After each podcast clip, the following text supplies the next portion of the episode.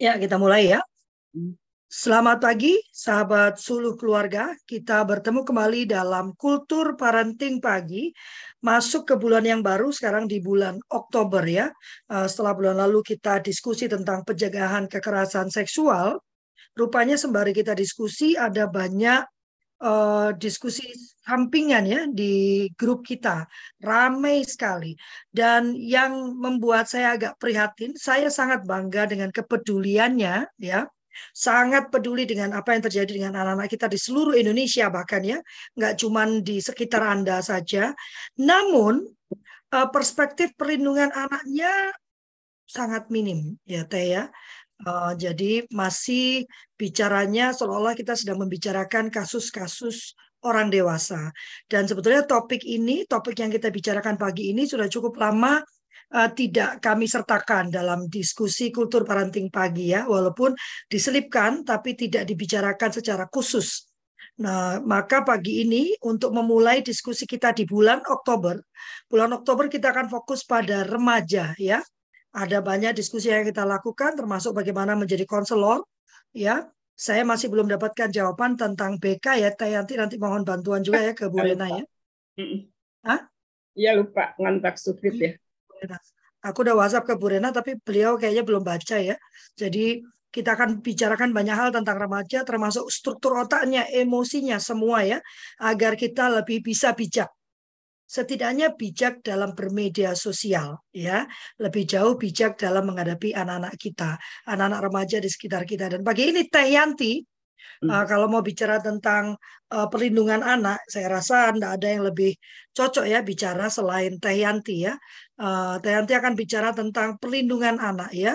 Uh, itu makanan apa sih gitu ya? Uh, dan enak gak sih dimakan oleh orang dewasa? Karena selama ini yang disampaikan adalah seolah-olah kita sedang memperhadapkan anak dengan pendidik-pendidiknya. Baik itu di sekolah maupun di rumah. Seolah-olah anak ini sekarang menjadi menjadi lawan dari para pendidiknya alih-alih menjadi orang yang dilindungi. Silakan Tayanti Oke. Assalamualaikum warahmatullahi wabarakatuh. Salam sejahtera, salam kebajikan, Om Swastiastu, Namo Buddhaya, Rahayu, Ini ada berapa? 18 orang ya bersama kita. Uh, hampir semua perempuan. Oh, ada Pak Ariantan ya. Ya, uh, saya sengaja memilih beberapa beberapa apa ya informasi lama sih sebenarnya terkait dengan perlindungan anak ini. Um, apa sih pertama sih uh, ini sih melihat rumusan waktu 2014 lalu apa saja janji-janji politik yang harus dipenuhi di dalam upaya perlindungan anak ini gitu. Dan rupanya sampai hari ini apa yang disinyalir 2014 lalu itu menjadi masalah itu masih uh, belum terselesaikan ya dalam banyak hal. Terutama paradigma kita nih orang dewasa terkait dengan anak ya uh, izin saya buka dulu bagiannya. Uh, ini ini bulan Oktober. Uh, bulan Juli 23 Juli kita ada Hari Anak. Biasanya di situ suara-suara anak diperdengarkan. Uh, apakah dengan proses apa pelatihan dulu dan sebagainya gitu ya. Nah, para ketua dan wakil ketua forum anak terpilih itu dikuat secara khusus. Nah, saya ngambil apa yang disampaikan oleh Maria Dolores dari Wakil Ketua Forum Anak Nasional uh, yang uh, menyebutkan bahwa bagi dia peringatan Hari Anak ini jadi momentum yang sangat istimewa gitu ya karena di sini suara-suara anak di diperdengarkan. mereka mengumpulkan pemikiran, perspektif, harapan, pendapat anak dari mulai tingkat desa sebenarnya ya, bukan hanya kecamatan, sampai isu-isu permasalahan anak di tingkat eh, nasional. Tema utama Hari Anak Nasional tahun 2023 masih masih eh, sama dengan tema-tema sebelumnya. Anak terlindungi Indonesia maju. Di sini secara khusus memang eh, subtemanya mengarah pada masalah-masalah kekinian yang dihadapi anak-anak kita ya, mulai dari cerdas bermedia sosial, pengasuhan layak untuk anak Indonesia karena ini dianggap darurat tentang parenting gitu ya. Lalu lingkungan yang aman uh, untuk anak, anak menjadi pelapor dan pelopor serta stop kekerasan, perkawinan anak dan pekerja anak. Nah, kalau eh, kakak-kakak uh, melihat uh, simfoni PPPA, ini sengaja saya capture tadi pagi gitu untuk melihat uh, perkembangan situasi anak Indonesia terkini yang dilaporkan ya. Ini ini baru fenomena yang diterima laporannya. Kondisi sesungguhnya bisa jadi jauh lebih lebih parah dari ini. masih masih uh, apa ya rumah tangga atau keluarga masih menempati uh, urutan pertama di mana kejadian yang uh, apa ya uh, dialami oleh anak kasus-kasus yang dialami oleh anak itu terjadi gitu ya. Uh, baik itu dari sisi uh, korban maupun uh, kasusnya ya. Kasusnya paling banyak di keluarga eh, di keluarga atau di rumah tangga korbannya pun demikian gitu ya. Nah yang ini jenis-jenis korbannya ini yang paling mengkhawatirkan sekarang ini makin tinggi um, itu ya ke kejahatan seksual. Jadi akan sangat apa akan sangat penting untuk bisa melihat lebih jauh terkait uh, pemicunya, uh, bagaimana cara mencegahnya maupun uh, bagaimana ini bisa ditangani ya. Terus dari sisi usia, karena ini sangat relevan dengan tema yang dipilih kultur parenting bulan ini ya terkait remaja, karena memang secara usia yang banyak mengalami kejahatan kekerasan bahkan kejahatan seksual usianya itu 13 17 itu usia remaja ya. Teteh, maaf, boleh di ini di show ini kan masih belum jadi show, masih PowerPoint. Oh di, iya, benar. Iya, iya. Oke. Okay. Kecil ya. Ini ya, kalau uh, melihat uh, simfoni, jadi uh, kakak-kakak bisa melihat simfoni uh, PPA. Di sini akan muncul seperti ini. Uh, rumah atau uh, keluarga ini masih menjadi tempat uh, dan uh, banyaknya kasus uh, terhadap kekerasan. Lalu dari sisi jenis kekerasan makin mengkhawatirkan ya, makin makin banyak uh, kasus kekerasan disertai dengan kejahatan seksual gitu ya.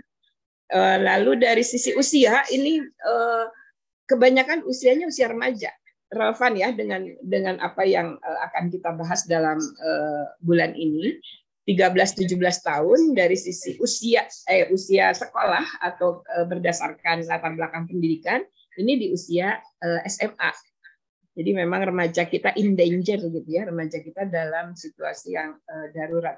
Tadi daruratnya pertama uh, terkait dengan media sosial, ya Internet of Things bagian dari negatifnya begitu ya seperti itu. Lalu yang kedua uh, terkait dengan pengasuhan yang uh, tidak tidak layak bagi anak kita gitu kan.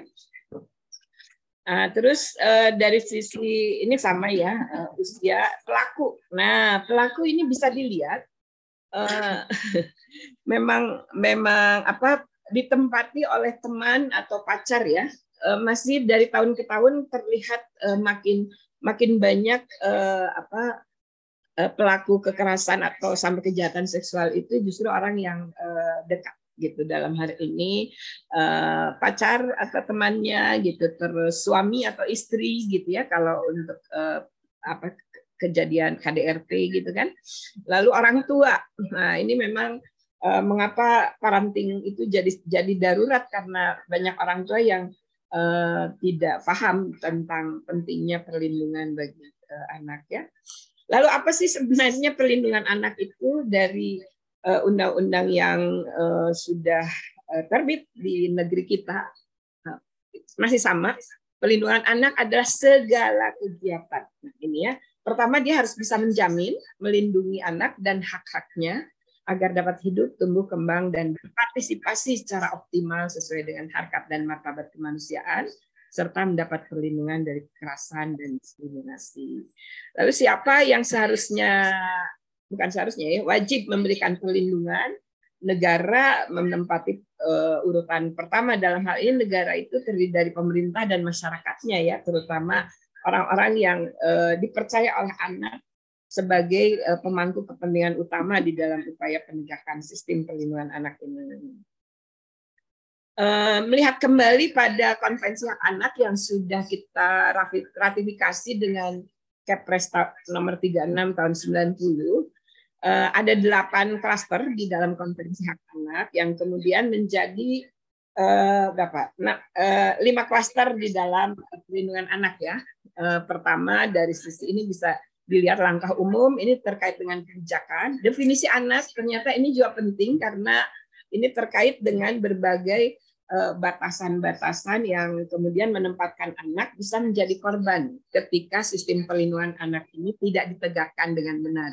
Yang terkini misalnya kita ketahui uh, almarhum pejuang uh, perkawinan usia anak ya yang uh, akhirnya berhasil uh, apa mendorong lahirnya perubahan undang-undang perkawinan uh, yang menyebutkan bahwa batasan usia perempuan paling paling muda untuk bisa menikah itu usia 19 tahun gitu ya untuk laki-laki 25.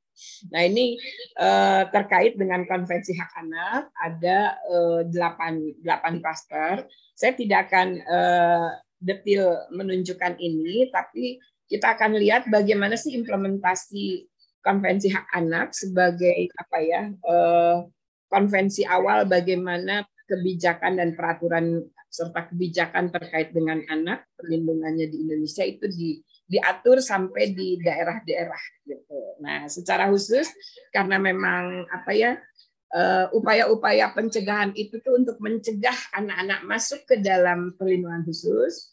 Saya saya capture khusus ya untuk klaster 6 langkah-langkah perlindungan khusus. Nah, ini ada di dalam undang-undang terbaru ada 15 anak yang memerlukan perlindungan khusus. Pertama, anak dalam situasi darurat.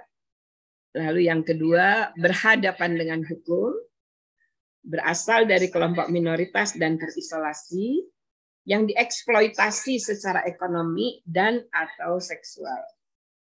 Anak yang menjadi korban penyalahgunaan narkotika, alkohol, psikotropika, dan zat adiktif lainnya, ini makin marak ya sampai ke desa-desa. Anak yang menjadi korban pornografi ini juga makin makin mengerikan ya di terutama di perkebunan-perkebunan kalau di sini di uh, apa di Kampar.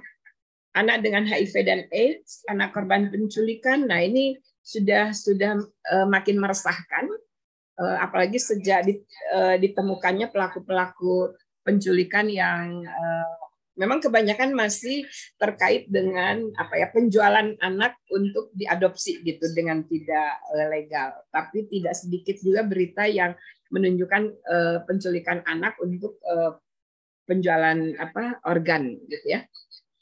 Anak korban kekerasan fisik dan atau psikis ini yang uh, sangat banyak dan anak korban kejahatan seksual itu bisa dilihat ya dari laporan simfoni tadi kan Terus jaringan terorisme ini juga uh, mengkhawatirkan penyandang disabilitas. Nah ini um, apa ya angka partisipasi murni anak-anak uh, penyandang disabilitas untuk uh, mendapatkan pendidikan kita masih jauh di bawah 30 persen ya.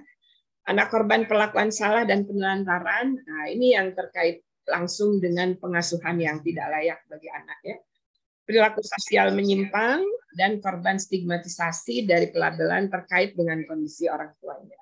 Ini 15 eh, kategori anak-anak yang memerlukan eh, perlindungan khusus. Nah, eh, bagaimana sih langkah-langkah yang perlu dilakukan dalam apa ya menegakkan perlindungan anak ini?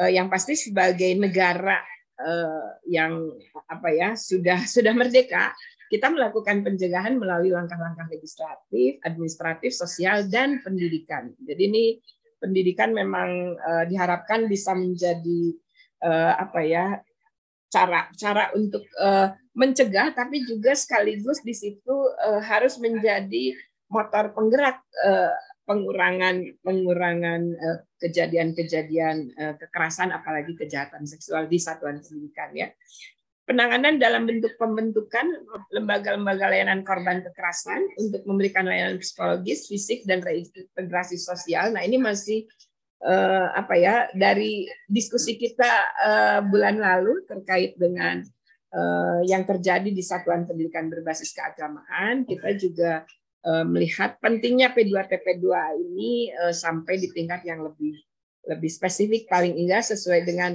Permenek PPA-nya di, di tiap kecamatan gitu ya. Nah, ini penerapan KHA di Indonesia dari sisi kebijakan itu bisa dilihat meskipun sampai hari ini eh, setahu saya sih masih 28% anak kita yang belum memiliki akte kelahiran misalnya. Sehingga eh, apa ya? Ah gini, ada impres terkait dengan zero miskin ekstrim yang uh, harus zero pada tahun 2024. Ketika kami telusuri di uh, Kampar, ternyata dari 6.000 eh ya 6.532 kepala keluarga yang miskin ekstrim dan belum mendapatkan bantuan apa pun itu terdapat 29.374 anak eh enggak deh warga ya warga usia 7 sampai 21 eh, tahun. Mengapa uh, ambilnya sampai 21 tahun? Karena negara hadir bagi bagi uh, warga sampai usia 21 tahun dalam bentuk kartu Indonesia Pintar. Khususnya untuk wajib belajar 12 tahun ya. Setelah kami coba advokasi, ternyata bisa dicarikan NIK-nya, tapi baru 9.317. Jadi ada itu pun yang Eh, benar-benar kartu keluarganya di Kampar itu sekitar 8.000. Jadi masih ada 21.000 lagi yang menunggu untuk mendapatkan haknya. Ini dari dari aspek ini ya karena tertib adminduknya eh, belum dapat. Ketika ketika kami mulai masuk ke salah satu desa yang menjadi eh, pelopor di desa pendidikan, ternyata banyak eh, anak usia anak, udah menikah, punya anak, dan beberapa bahkan bercerai di usia anak. Jadi eh, itu satu lagi banyak yang anak-anak tidak memiliki akte karena orang tuanya menikah tanpa pencatatan ya. Jadi ini tertib adminduk ini jadi sangat eh, penting untuk kita bantu agar hak-hak anak yang lainnya bisa dipenuhi. Lalu terkait dengan ini sampai sekarang kan undang-undang tentang pengasuhan belum terbit kan baru baru sampai ke pembahasan ya. Kami sempat sih di uh, di Jawa Barat mendorong lahirnya uh, uh, perda terkait ketahanan keluarga. Tapi masih apa ya perspektif tentang perlindungan anaknya masih harus diperkuat gitu ya. Uh, ini lalu terkait dengan kesehatan nih makin makin bagus gitu ya karena didorong dengan adanya COVID-19 kemarin. Eh, salah satu upaya di Kemdikbud misalnya eh, dalam lima tahun ini fokus untuk sekolah sehat misalnya ya. Ini eh, mudah-mudahan tidak tidak kembali balik lagi lupa lagi tentang ini ya protokol kesehatannya. Itu juga masih paling tidak kalau batuk begini harus pakai masker lah gitu ya. Paling tidak gitu. Kalau jaga jarak masih masih agak susah rupanya ya. Uh, ini uh, terkait yang disabilitas ini juga masih masih harus diperkuat. Beberapa uh, eh, PP yang uh, diturunkan dari undang-undang ini sudah muncul untuk akomodasi uh, layak bagi disabilitas baik itu di pendidikan di lingkungan kerja dan sebagainya. Tapi untuk perdanya ini masih harus didorong. Sehingga uh, apa ya implementasinya di daerah ini masih sangat uh, minim ya. Paling tidak gini, uh, yang kami temukan di Kampar misalnya ada 1147 anak disabilitas, ternyata yang bisa dicari benar-benar uh, datanya ada itu pun belum belum sampai ke tatib adminduknya gitu baru 539 dan semuanya belum pernah mendapatkan pendidikan. Jadi memang ini ya, apalagi kesehatannya. Jadi memang ini menjadi uh, penting untuk dikedepankan ya. Untuk yang pendidikan sebenarnya ada upaya-upaya untuk melakukan perubahan ya untuk uh, undang-undang Sisdiknas, tapi uh, kakak sekalian nih perlu mengawal betul gitu karena ada banyak hal yang nanti luput dari dari uh, pengaturan ketika apa ya apa yang sudah baik kemudian hilang gitu ya. Terus muncul hal-hal baru tapi malah jadi melemahkan apa yang sudah baik tadi. Jadi Eh, kita harus dorong upaya apa ya itu tuh uh, prinsip uh, good governance. Harus benar-benar keterbukaannya gitu ya. Tra, transparan sejak awal. Jangan tahu-tahu sudah mau ketok palu kita baru tahu ininya gitu isinya. Jadi kita perlu mendorong partisipasi publik terutama anak sebagai apa ya peserta didik dalam hal ini yang jelas uh, membutuhkan sistem pendidikan nasional yang memerdekakan dia lahir batin dan tenaga dan pikirannya ya kalau kata King Hajar.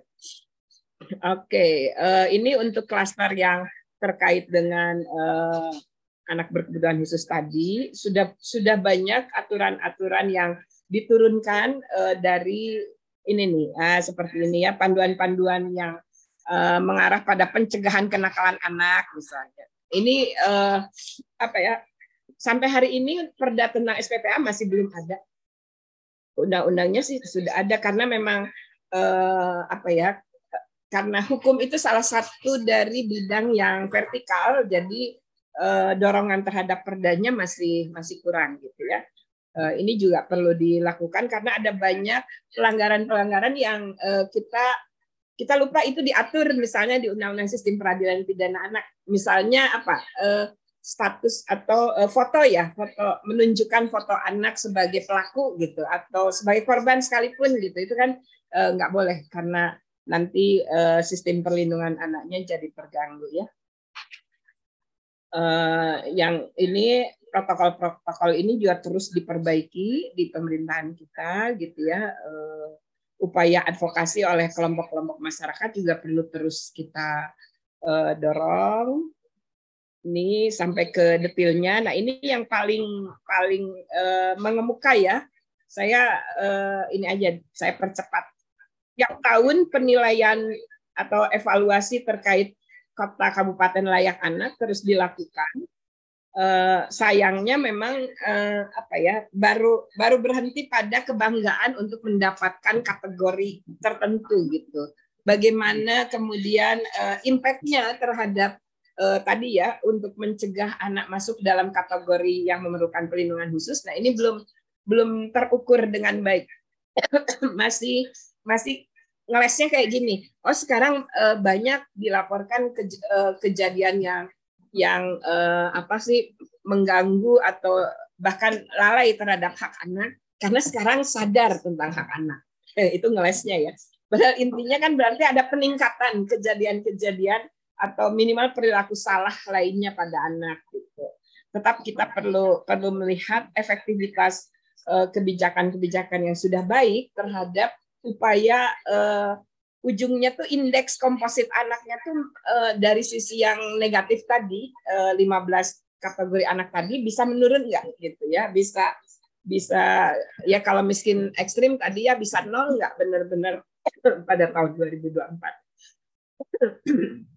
secara khusus kita hari ini berbesar hati dengan lahirnya itu ya Permendikbudristek terkait dengan pencegahan dan penanganan kekerasan bahkan kejahatan seksual terhadap anak di satuan pendidikan. Nah, ini ini aja sih terkait dengan pendidikan kita bisa lihat mandatnya ya dari tahun Undang-Undang 45 pasal 28B ini amandemen hasil anak amandemen setiap anak berhak atas kelangsungan hidup, tumbuh dan berkembang serta berhak atas perlindungan dari kekerasan. Terus Undang-Undang 35 itu menyebutkan tentang pendidikan ada 19 kali menyebut kata pendidik enam kali, kependidikan enam kali, dua kali kata satuan pendidikan. Pokoknya penting banget tentang pendidikan ini ya, hak asasi manusia juga begitu. Nah ini yang secara khusus disebutkan eh, Permendikbudristek nomor 46 tahun 2023 ya. Kemarin kita ngebahas terkait PMA-nya, nanti mungkin terkait eh, Permendikbudristeknya kita bedah bareng juga ya. Uh, ini secara khusus maksud dari upaya pencegahan dan penanganan kekerasan di lingkungan satuan pendidikan dimaksudkan untuk ini ya kembali lagi melindungi jadi uh, tentang perlindungan terhadap peserta didiknya ini jadi sangat penting untuk difahami bersama apa saja yang boleh dan tidak boleh bukan kata hati kita tapi kata uh, apa itu uh, ini uh, kebijakan yang sudah kita kita uh, sepakati ya dalam bernegara ini, berbangsa dan bernegara. Mencegah, melindungi dan mencegah setiap orang dari kekerasan yang terjadi, mengatur. Nah, ini nih mekanisme pencegahan, penanganan dan sanksi terhadap tindakan kekerasan, membangun lingkungan satuan pendidikan yang ramah, aman, inklusif, setara, dan bebas dari tindakan diskriminasi dan intoleransi. Oke, okay. sebagai uh, apa uh, penggoda eh, sebagai teasernya ya dari uh, upaya kita untuk menegakkan perlindungan anak itu, sengaja saya hanya menunjukkan ujungnya karena kita mulai dari ujungnya. Ujungnya kalau ada sistem perlindungan anak ini, anak bisa dicegah untuk uh, masuk dalam kategori yang memerlukan perlindungan khusus ujungnya itu ya. Kalau pencegahannya rame tapi tidak sampai pada ujungnya ini ini yang perlu kita pertanyakan. Sudah seberapa efektif upaya-upaya untuk kita melakukan uh, apa mendorong kebijakan uh, dan apa penganggaran untuk itu. Oke, silakan Kakak Lovely.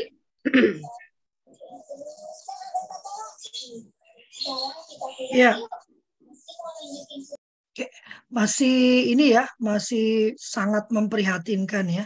Dan ya. saya sepakat ya, eh, semua semua kebijakan yang dibuat itu kan ujungnya sebetulnya penurunan jumlah kasus ya teh. Uh, tapi faktanya di lapangan kasusnya nggak turun-turun gitu ya. Uh, uh, makin meningkat. Cuman uh, saya sih berharap peningkatan ini justru timbul karena kesadaran sehingga pelaporannya makin banyak gitu ya. Karena tadi seperti Dayati bilang jangan-jangan ini yang tidak terlaporkan banyak gitu ya. Ya kan? Uh, tapi dengan dengan makin terbuka, makin peduli gitu ya. Uh, uh, jumlahnya jadi seolah-olah meningkat gitu kan. Padahal memang dari dulu segini sedemikian banyaknya. Uh, sehingga nanti pembicara uh, diskusinya sebetulnya uh, bukan lagi bicara tentang kemarahan ya karena kalau sudah bicara tentang anak ini kan yang ada banyaknya kemarahan ya. Tapi lebih pada bagaimana kemudian kita bisa melakukan pencegahan ya ini Kak Paulu nanya, apakah ada hotline untuk anak-anak melapor terjadinya kekerasan, kekerasan di keluarganya, baik dari papanya maupun dari mamanya? Teh? Ada ya, kurasa ya? Ini ada Tesa, telepon sahabat anak. Hmm. 129 kalau nggak salah. Iya. Ada Ada, ada, ada punya... sapa, apa ya? Itu, coba aku carikan. Mm -mm. Ntar kita cari ya. Lupa nomornya. Iya.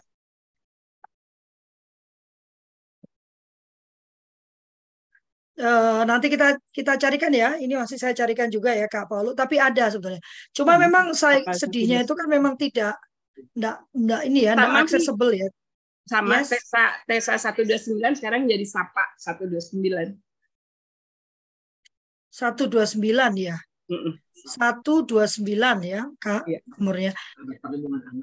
Iya. Sahabat perlindungan anak. Ya. Uh, ini juga ada nih. Uh, oh ini ada nih. Daftar kontak institusi. Oh, Oke. Okay. Okay. Mungkin nanti kita harus bikinkan ininya ya. Apa? Ini ada nih. Uh, apa daftarnya ya? Daftarnya lalu teman-teman boleh sharekan terus menerus ya atau disimpan jadi kalau ada yang butuh langsung diberikan ya. Sapa 129 itu ya Kak Paulu ya. Ada lagi? Oh ini Kak Trisa ini. Oh Kak Trisa ada tuh. Oh Kak Trisa sudah nih masuk nih Sapa 129 021 129 WA. WA ini nggak perlu nelpon berarti kan kalau aku kebayang kalau anak itu kan dia ya, untuk menelpon itu kan berat ya. Mm -hmm. Yang 129 bebas pulsa nggak ya? harusnya bebas pulsa. Ah, nah, saya saran ya yang disebarkan yang WA ini ya, karena kalau untuk menelpon ya walaupun bebas pulsa juga saya rasa berat ya untuk korban ya, apalagi anak ya deh. Kalau chat kan uh, mungkin lebih ini ya, lebih aksesibel kali ya. Kalau WA harus data internet. Ya, iya memang iya Kak. Cuman silakan dibagikan dua-duanya sih. Cuman uh, saya mencoba berempati ya kalau harus menelpon ini kan perlu keberanian yang luar biasa besar ya. Ah. Ada lagi Kak yang mau bertanya? dari kemarin kita sangat heboh ya bicara tentang kasus-kasus yang terjadi di anak yang sampai kemudian saya terpaksa harus menghentikan share-share uh, video-video yang uh, luar biasa itu ya. Uh, memang harusnya alur pengaduan itu juga harus di di apa di diperketat, tidak menutup juga uh, apa fakta bahwa pengaduan kita itu belum semuanya direspon secara positif maupun cepat. Tayanti masih di situ? Masih, masih. Oh, iya. Ada lagi kak? Oh, ini ada lagi nih. Apakah kekerasan itu cuma kekerasan fisik saja? Bagaimana dengan kekerasan psikis? Apakah termasuk dalam kekerasan? Silakan teh. ya sesuai dengan eh, undang-undang uh, dan peraturan yang uh, berlaku uh, semua ya. Coba kita lihat yang terbaru saja Permendikbud Ristek uh, itu kan uh, sangat detail di situ di menyebutkan jenis-jenis kekerasannya. Di Undang-Undang Nomor 35 sih hmm. lebih lebih umum ya. Kita lihat saya sengaja memang mengutip mengutip khusus tentang uh, apa itu definisi kekerasan. Uh, kita lihat ya. Lihat lagi aja ya bentar. Ini batuknya kita lihat lagi. Ini dia. Kekerasan adalah setiap perbuatan. Nih, tindakan dan atau keputusan terhadap seseorang yang berdampak menimbulkan rasa sakit, luka atau kematian, penderitaan seksual atau reproduksi, berkurang atau tidak berfungsinya sebagian dan atau seluruh anggota tubuh secara fisik, intelektual atau mental, hilangnya kesempatan untuk mendapatkan pendidikan atau pekerjaan dengan aman dan optimal, hilangnya kesempatan untuk pemenuhan hak asasi manusia, ketakutan, hilangnya rasa percaya diri, hilangnya kemampuan untuk bertindak, rasa tidak berdaya, kerugian ekonomi dan atau bentuk kerugian lain yang sejenis. Ini sangat sangat detail ya. Eh, yang paling paling mengemukakan dengan adanya apa itu darurat eh, bullying ya itu rasa percaya diri yang hilang gitu kan rasa tidak berdaya yang uh, luar biasa gitu ketakutan jelas jadi uh, ini lebih lebih diperketat dan uh, upaya pencegahannya juga dengan adanya satgas uh, PPPA ini eh namanya sih PPK kalau nggak salah ya satgas pencegahan dan penanganan kekerasan di setiap satuan pendidikan mudah-mudahan bisa lebih lebih baik lagi. Ada ada contoh yang uh, bagus sebenarnya yang uh, tahun berapa saya angkat ya di SMP di Lazuardi di Depok. Hmm. Itu mereka melakukan uh, apa ya? Kalau sekarang namanya mungkin Satgas PPK gitu, tapi ini bukan hanya tentang kekerasan. Jadi mereka membentuk uh, tim untuk memantau pemenuhan hak dan perlindungan anak gitu setiap dua jam. Jadi piket anak-anak itu bukan bukan ini kalau kebersihan itu ada tukang kebersihan lah itu udah ada yang bisa ngerjain tapi partisipasi anak itu didorong dengan membuat checklist checklist pemantauan hak dan uh, perlindungan anak.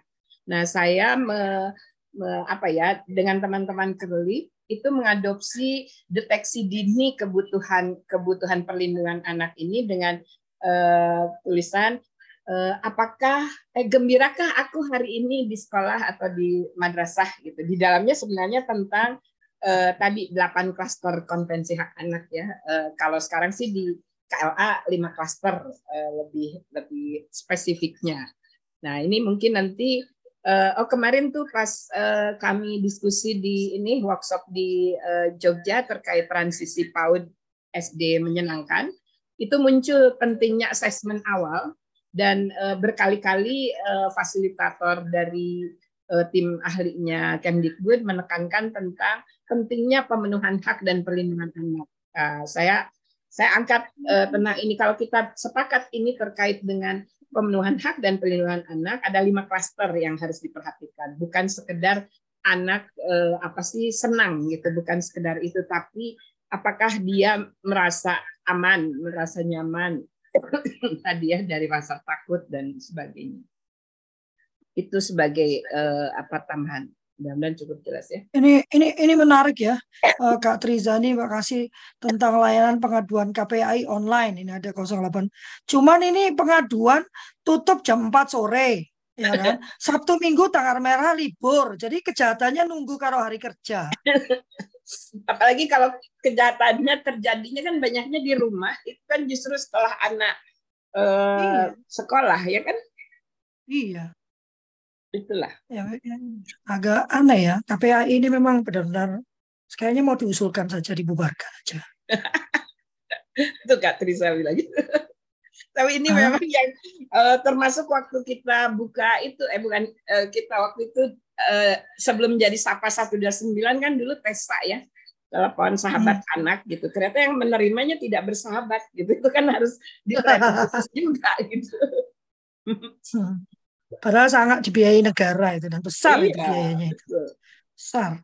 Kak Lili bertanya, mengingat begitu para GT itu bisa jadi banget loh Kak. Jadi bingung hmm. yang bayar, yang baca bingung. Mengingat begitu marahnya begitu, kasus kekerasan yang dirasa belum efektif pemecahannya. Kesimpulan saya kekerasan terhadap anak itu sudah membudaya pakai huruf hmm. besar semua. Eh, maaf ya. Maka harus dilawan juga dengan budaya yang baru Masyarakat hmm. harus terus di brainwash untuk hmm. ngerti hmm. apa itu arti bully terhadap anak. Kenapa tidak boleh dilakukan dengan dan apa akibatnya? Buatlah film-film pendek di bawah 10 menit tentang bully terhadap anak dan akibatnya hmm. kampanye-kampanye seperti ini.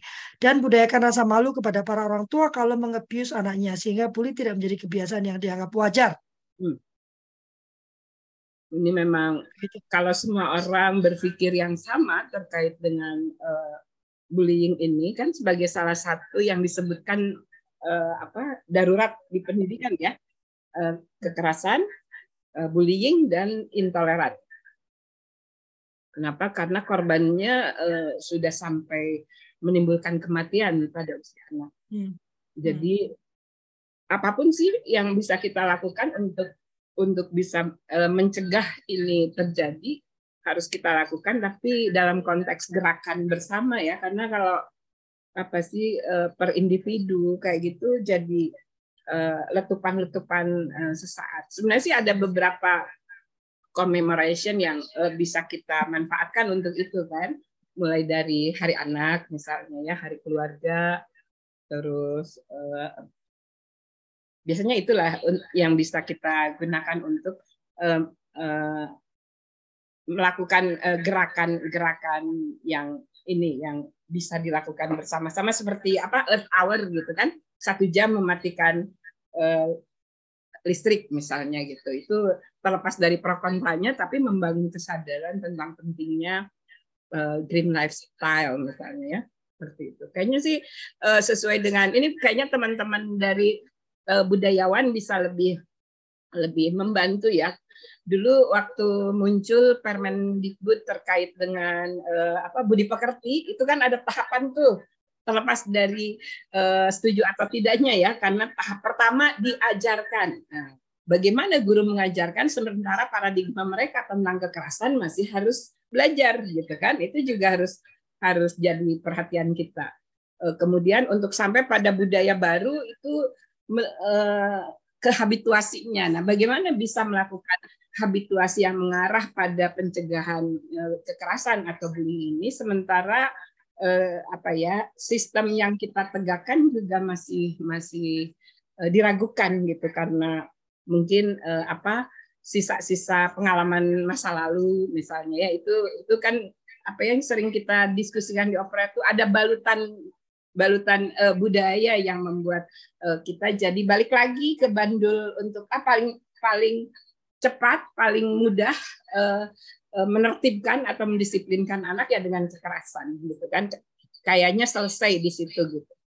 Nah, ini um, secara umum sih kebijakannya terus kita dorong tapi lagi-lagi ya dari sisi kebijakan kita sudah sangat bagus. Lihat aja implementasi KHA kan itunya perangkat hukumnya luar biasa gitu ya.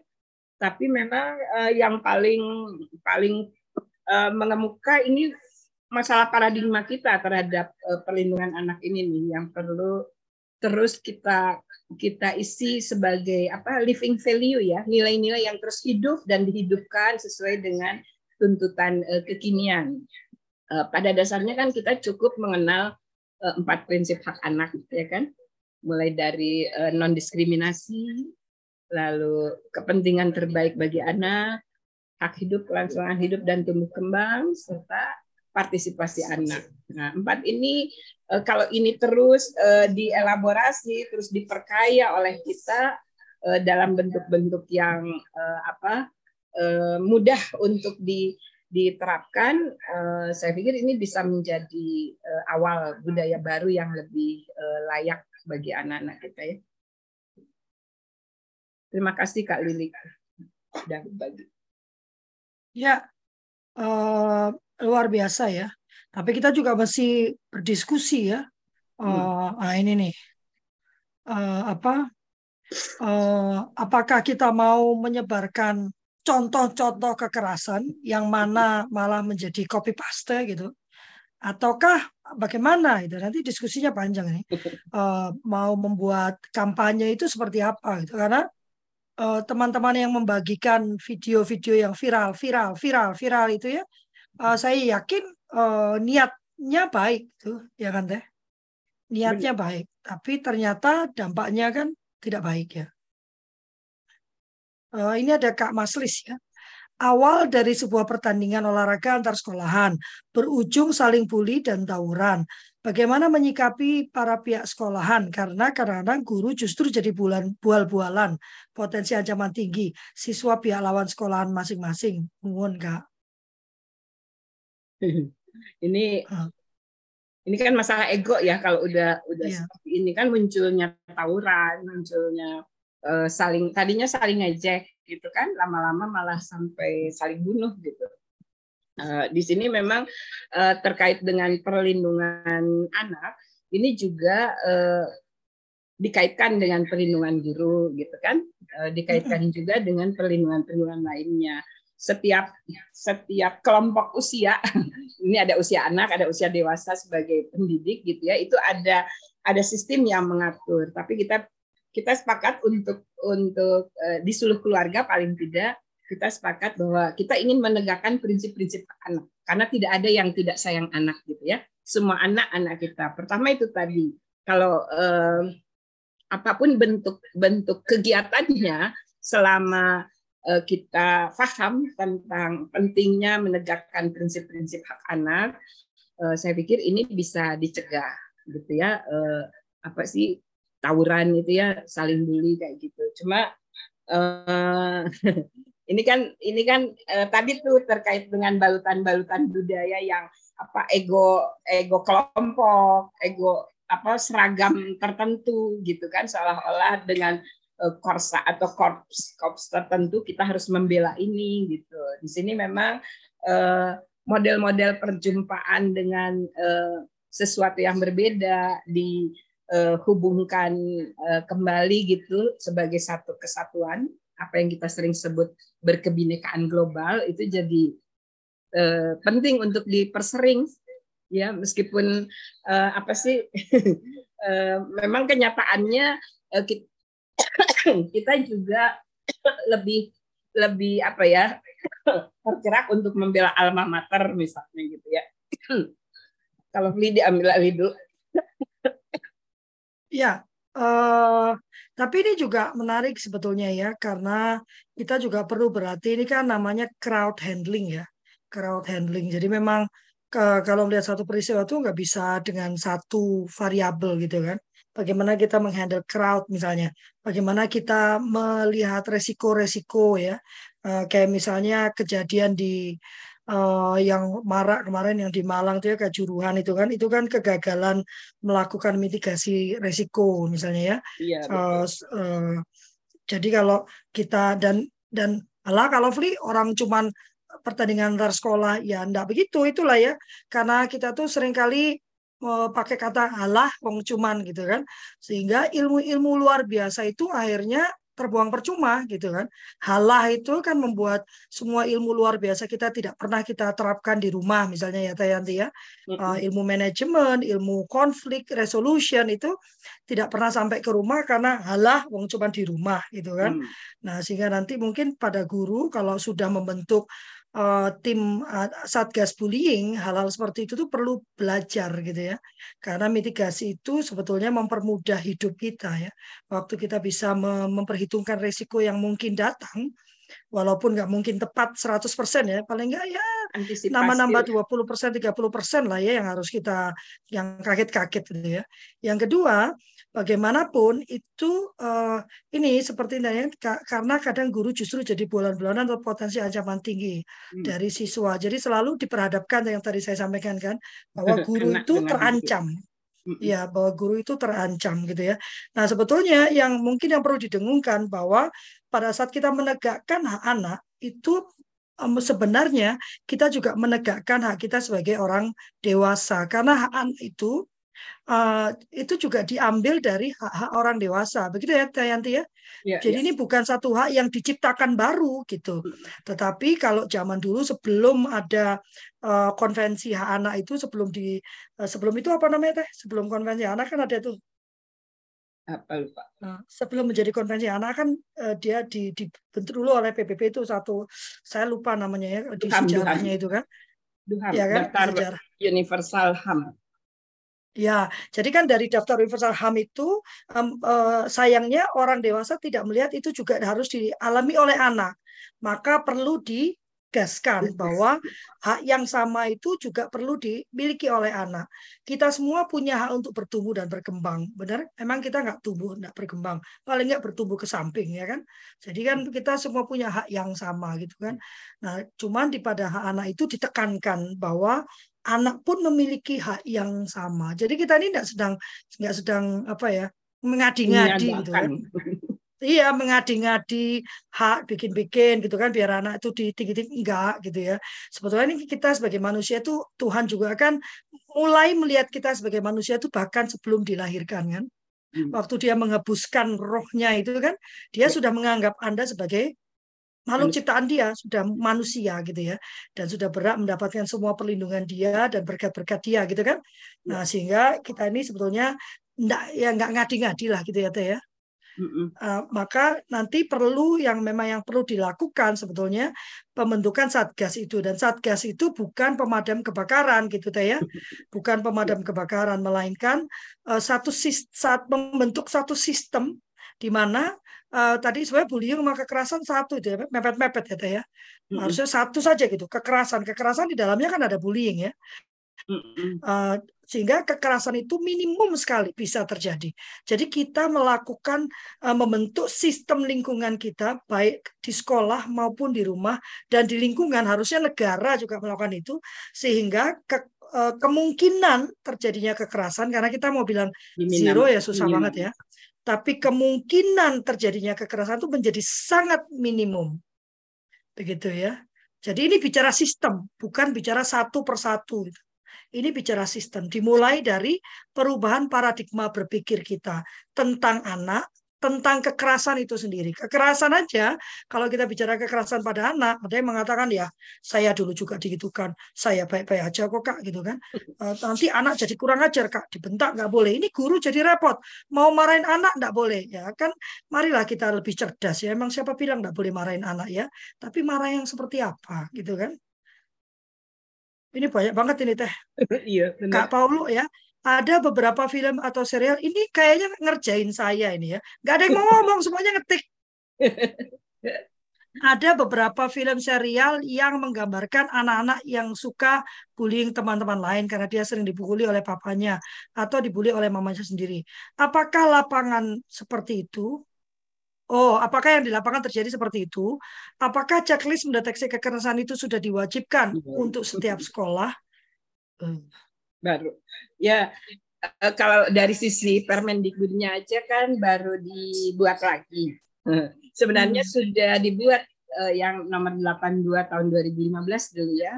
Tapi ada beberapa hal yang harus dikoreksi terutama terkait dengan sistem peradilan pidana anak kalau tidak salah itu yang harus diperkuat di situ. Nah untuk uh, yang sekarang uh, kelihatannya lebih serius dengan Permendikbud Respect uh, 46 tahun 2023 ini sampai uh, setiap sekolah memang diwajibkan membentuk uh, satgas. Tadi seperti yang Kak Lovely sampaikan, kita bicara satgas bukan uh, buat pemadam kebakaran, tapi justru di situ ada kelompok yang uh, secara khusus terus belajar agar nilai-nilai uh, terkait dengan perlindungan anak itu menjadi nantinya jadi budaya baru di sekolah ramah anak ya menuju satuan pendidikan ramah anak dengan budaya baru tentang uh, tadi ya non diskriminasi, anti kekerasan dan selalu mengedepankan uh, prinsip kepentingan terbaik anak bagi eh terbaik bagi anak lalu hak hidup kelangsungan hidup dan tumbuh kembang anak itu selalu menjadi pertimbangan utama juga partisipasi anak di dalam uh, merencanakan melaksanakan dan uh, termasuk melaporkan karena ini diatur ya bahkan ketika hmm. anak berhadapan uh, masalah hukum sekalipun gitu kan perlindungan anak itu benar-benar harus uh, menjadi perhatian kita sampai akhirnya di setiap uh, kepolisian ada kanit PPA khusus ya terkait uh, hal ini. Saya kira itu kalau tentang uh, bagaimana ini dideteksi, upaya-upaya ke arah sana sudah mulai menguat dengan uh, awalnya kan uh, kebijakan Merdeka Belajar yang ke-24 itu terkait dengan transisi PAUD SD menyenangkan. Jadi uh, dibenahi dari dari dasar banget dari PAUD ke SD-nya agar tidak ada pemaksaan uh, yang tadinya kan ada aturannya tidak boleh mengajarkan uh, calistung misalnya gitu. Eh uh, tes calistung nah, nah sekarang ini benar-benar dikawal agar uh, sampai SD awal itu masih uh, terkait dengan enam pondasi belajar yang ada di dalam uh, pengembangan anak usia dini holistik integratif ya. Uh, lalu yang kedua dari aspek pencegahan dan penanganan itu kebijakan Merdeka Belajar yang ke-25 ya itu muncul sudah dalam bentuk PP eh, yang uh, semua bukan hanya uh, sekolah tapi semua satuan pendidikan tentunya termasuk satuan-satuan pendidikan keagamaan gitu kan diperkuat di sini. Nah, tinggal kita nih uh, seluruh keluarga nih nanti mau seperti apa kita uh, berperan di sini. Kemarin kan bulan lalu kita terakhir menyepakati untuk mulai di satuan pendidikan sesuai dengan uh, usulan Pak Arianto ya. Siapa saja yang mau melakukan dan bagaimana yang dilakukan kita perlu diskusi khusus kelihatannya agar uh, segera bisa dilaksanakan bersama. Itu Kakak Lofi. Ya, Kak Arianto tersayang. Eh, jadi tersayang. Tersayang ya kalau Bapak membaca Undang-Undang Perlindungan Anak, sebetulnya tulisan tentang uh, apa uh, menghormati orang tua, ya taat ada, ini ada, itu ada dalam Undang-Undang Perlindungan Anak itu ada. Tetapi Pak Arianto, uh, Kak Arianto tersayang, uh, seturut pengalaman saya, nah kalau dulu kan nggak bisa ngomong kayak gini ya Teh ya. Seturut pengalaman saya, uh, menghormati itu tidak bisa didoktrinkan, hmm. ya menghormati itu tidak. Loh, itu kenapa Pak Irwan? Kok pakai jaket? Bukan, saya mau protes ini hari batik nasional kok nggak pakai Ayo, pada pakai batik. batik. Ayo, Kak Gafi kenapa nggak pakai batik? Ini pakai batik. Yang ah, susah aku mesti nyetrika dulu. Karena ya, begini nggak, nggak apa-apa. Lagi mau rapat ini. Makasih, lanjut lanjut. Untung nggak Yanti pakai batik. batik. ya, tadi apa saya mau Ya, seturut pengalaman saya, uh, uh, saya tidak pernah Ya, saya tidak pernah menekankan pada anak saya bilang kamu tuh harus hormat ya sama orang tua. Hmm. Tetapi hmm. mereka meniru bagaimana saya selalu ya mengusahakan selalu berperilaku penuh penghormatan terhadap orang yang lebih tua ya termasuk ras-rasan tuh tidak dilakukan di rumah ya biasa kan kita gitu ya kalau ya. ngumpul ya bude ya bude pada perjalanan pulang bude itu loh ya ya itu yang dilihat anak yang itunya ya dan kemudian juga eh, bagaimana saya mengusahakan selalu eh, berinteraksi dengan mereka itu dengan penuh eh, penghormatan ya. Ada penghormatan terhadap hak mereka berbicara tidak dengan melecehkan gitu ya. Dan itu ternyata ditiru. Sehingga kemudian saya bisa berkata mereka sangat menghormati saya sebagai orang tuanya gitu ya bagi orang tua tunggal ya menghargai dan berbicara pun uh, mereka tuh ke saya ada kata-kata yang memang tidak mereka pergunakan. Kalaupun slip mereka bilang aduh maaf maaf maaf maaf maaf gitu ya tanpa saya bilang eh gitu ya. Nah, kita bisa hmm. ya kamu ngomong sama orang tua kok gitu ya. Nah, saya tidak perlu mengatakan itu, mereka akan mengoreksi sendiri karena ada kata-kata yang mereka memang tahu tidak saya pergunakan juga kepada mereka dan tidak saya pergunakan kepada orang-orang yang lebih tua di sekitar saya ya. Jadi uh, sebetulnya kalau menurut saya tidak perlu masuk di undang-undang itu. Ini kan cuma biar yang orang dewasa tidak marah-marah gitu ya. Aja hak melulu nggak ada kewajiban. Bagi saya kewajiban itu adalah saat hak kita bertemu dengan hak orang lain. Nah, di dalam proses penghormatan hak kita dan hak orang lain, di situ ada kewajiban ya jadi nggak perlu diajarkan. Selama kita menghargai hak kita dan menghargai ke orang lain kita tahu ada kewajiban yang harus kita penuhi. Karena kewajiban itu urusannya dengan orang lain. Benar ya teh? Kita ya. mempunyai kewajiban saat kita harus berinteraksi dengan orang lain gitu. Sehingga kalau diajarkan penghormatan terhadap hak diri saya hak saya dihormati loh maka hak orang itu juga harus dihormati. Di situlah muncul kewajiban. Itu sih ini ya. Uh, penutup teh udah jam 8 lebih 5. Ini banyak sekali luar biasa. Saya senang sekali ya, saya senang sekali. Dan uh, kami akan menyelenggarakan pelatihan.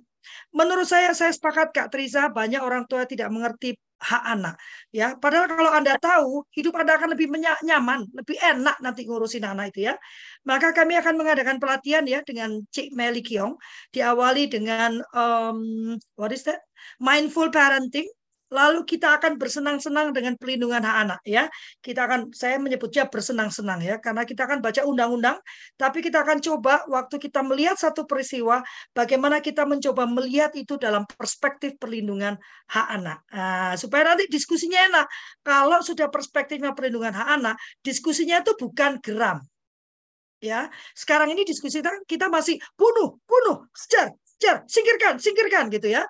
Tapi diskusi kita akan menuju pada bagaimana kita mengenangani ini, tapi kemudian juga mengetahui bagaimana kita bisa melakukan pencegahannya. Pencegahan itu penting, sahabatku ya. Silakan Dayanti. Itu dibuka dulu mic-nya. Iya, iya. Ini uh, dengan uh, berapa? 36 orang tadi ya.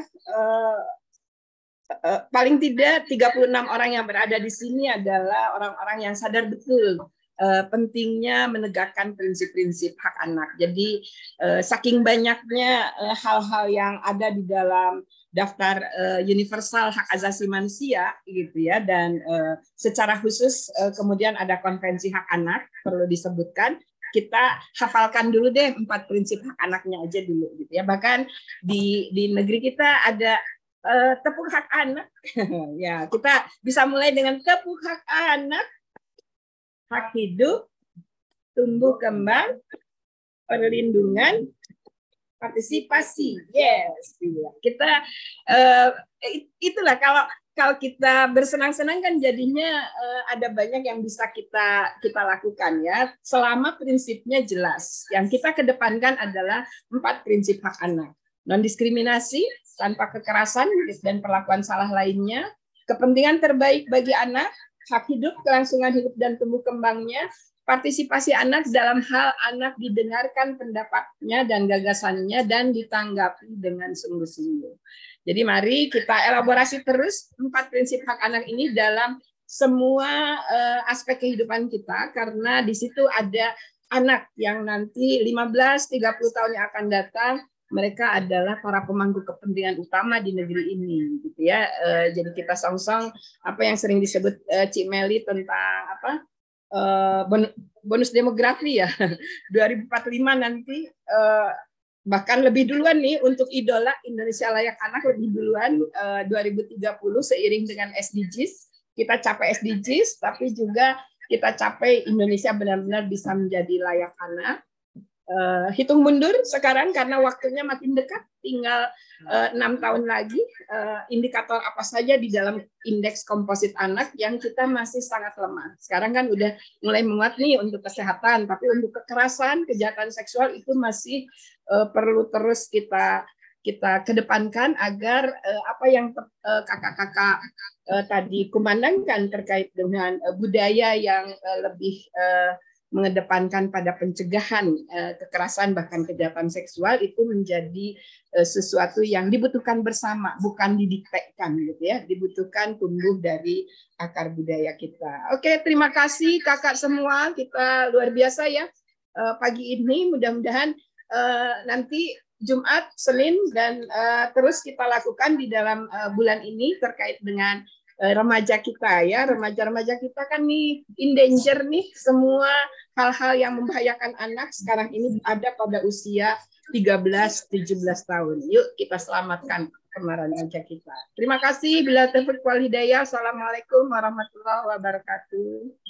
Waalaikumsalam Hari Jumat kita akan ketemu Kak Joan ya, Joana dia beliau akan berbicara tentang bagaimana kita bisa menjadi konselor untuk remaja kita. Ini bukan hanya Ini untuk keren. yang konselor, ini untuk orang tua ya, karena kita ini nanti di pengasuhan modern tuh orang tua harus bisa menjadi guru, bisa menjadi fasilitator, menjadi mentor, menjadi coach ya. Eh, tidak berga kalau bagi saya itu tidak bergantung usia tapi bergantung pada kebutuhan saat itu ya. Kita Anda bisa jadi coach, jadi guru, berubah lagi jadi mentor, jadi fasilitator ya. Ah, jadi harus agile. Wah, ini Kak Irwan. Dan kita juga akan bertemu dengan Kak Irwan nanti eh, kembali nanti kita tekankan tentang pentingnya profil pemenang ya, ketangguhan itu ya. Eh, dan supaya tidak salah paham juga, tangguh tidak sama dengan dampak dari hasil dari kekerasan ya. Hasil dari kekerasan bukan tangguh tapi marah. Oke, terima kasih banyak. Eh, atas nama kami berlima, kami berterima kasih atas partisipasinya eh, dan juga memohon maaf yang sebesar-besarnya apabila ada pernyataan, perkataan, sikap atau gestur yang kurang berkenan. Kami tidak ingin memojokkan, tidak ingin merendahkan, tidak ingin menghina, tidak ingin menghakimi, bahkan juga tidak bermaksud untuk menggurui. Kami hanya ingin membagikan apa yang menjadi keyakinan kami dan memang benar ya. Teh Yanti saya tahu benar ini sudah menjadi nafas hidup dia ya, perlindungan pada hak anak. Saya setidaknya pada anak saya dulu lah ya, perlindungan pada hak anak ini ya. Uh, dan uh, dan juga yang us kami usahakan kami kerjakan dalam kehidupan kami sehari-hari. Terima kasih. Wassalamualaikum warahmatullahi wabarakatuh. Tuhan memberkati. Waalaikumsalam warahmatullahi wabarakatuh. Salam sehat semuanya. Live ya. Mau ke Ya, desa. Terima Terima kasih tinggal. semuanya. Terima Bisa kasih catat Pak semuanya. Martinus ya. Udah nggak Silakan ada. bergabung Iya. di WhatsApp grup kita ya. Kita lanjutkan diskusi di sana ya. Kak Dery sudah menyediakan linknya. Ya. Terima kasih Kak. Alfri dan semua. Terima kasih Kak Ya, izin live. Mau pergi ya. Bye. Bye. Hati-hati ya. Ya, saya izin juga ya. Saya ada meeting lagi. Terima kasih Kak Lovely, Kak Yanti.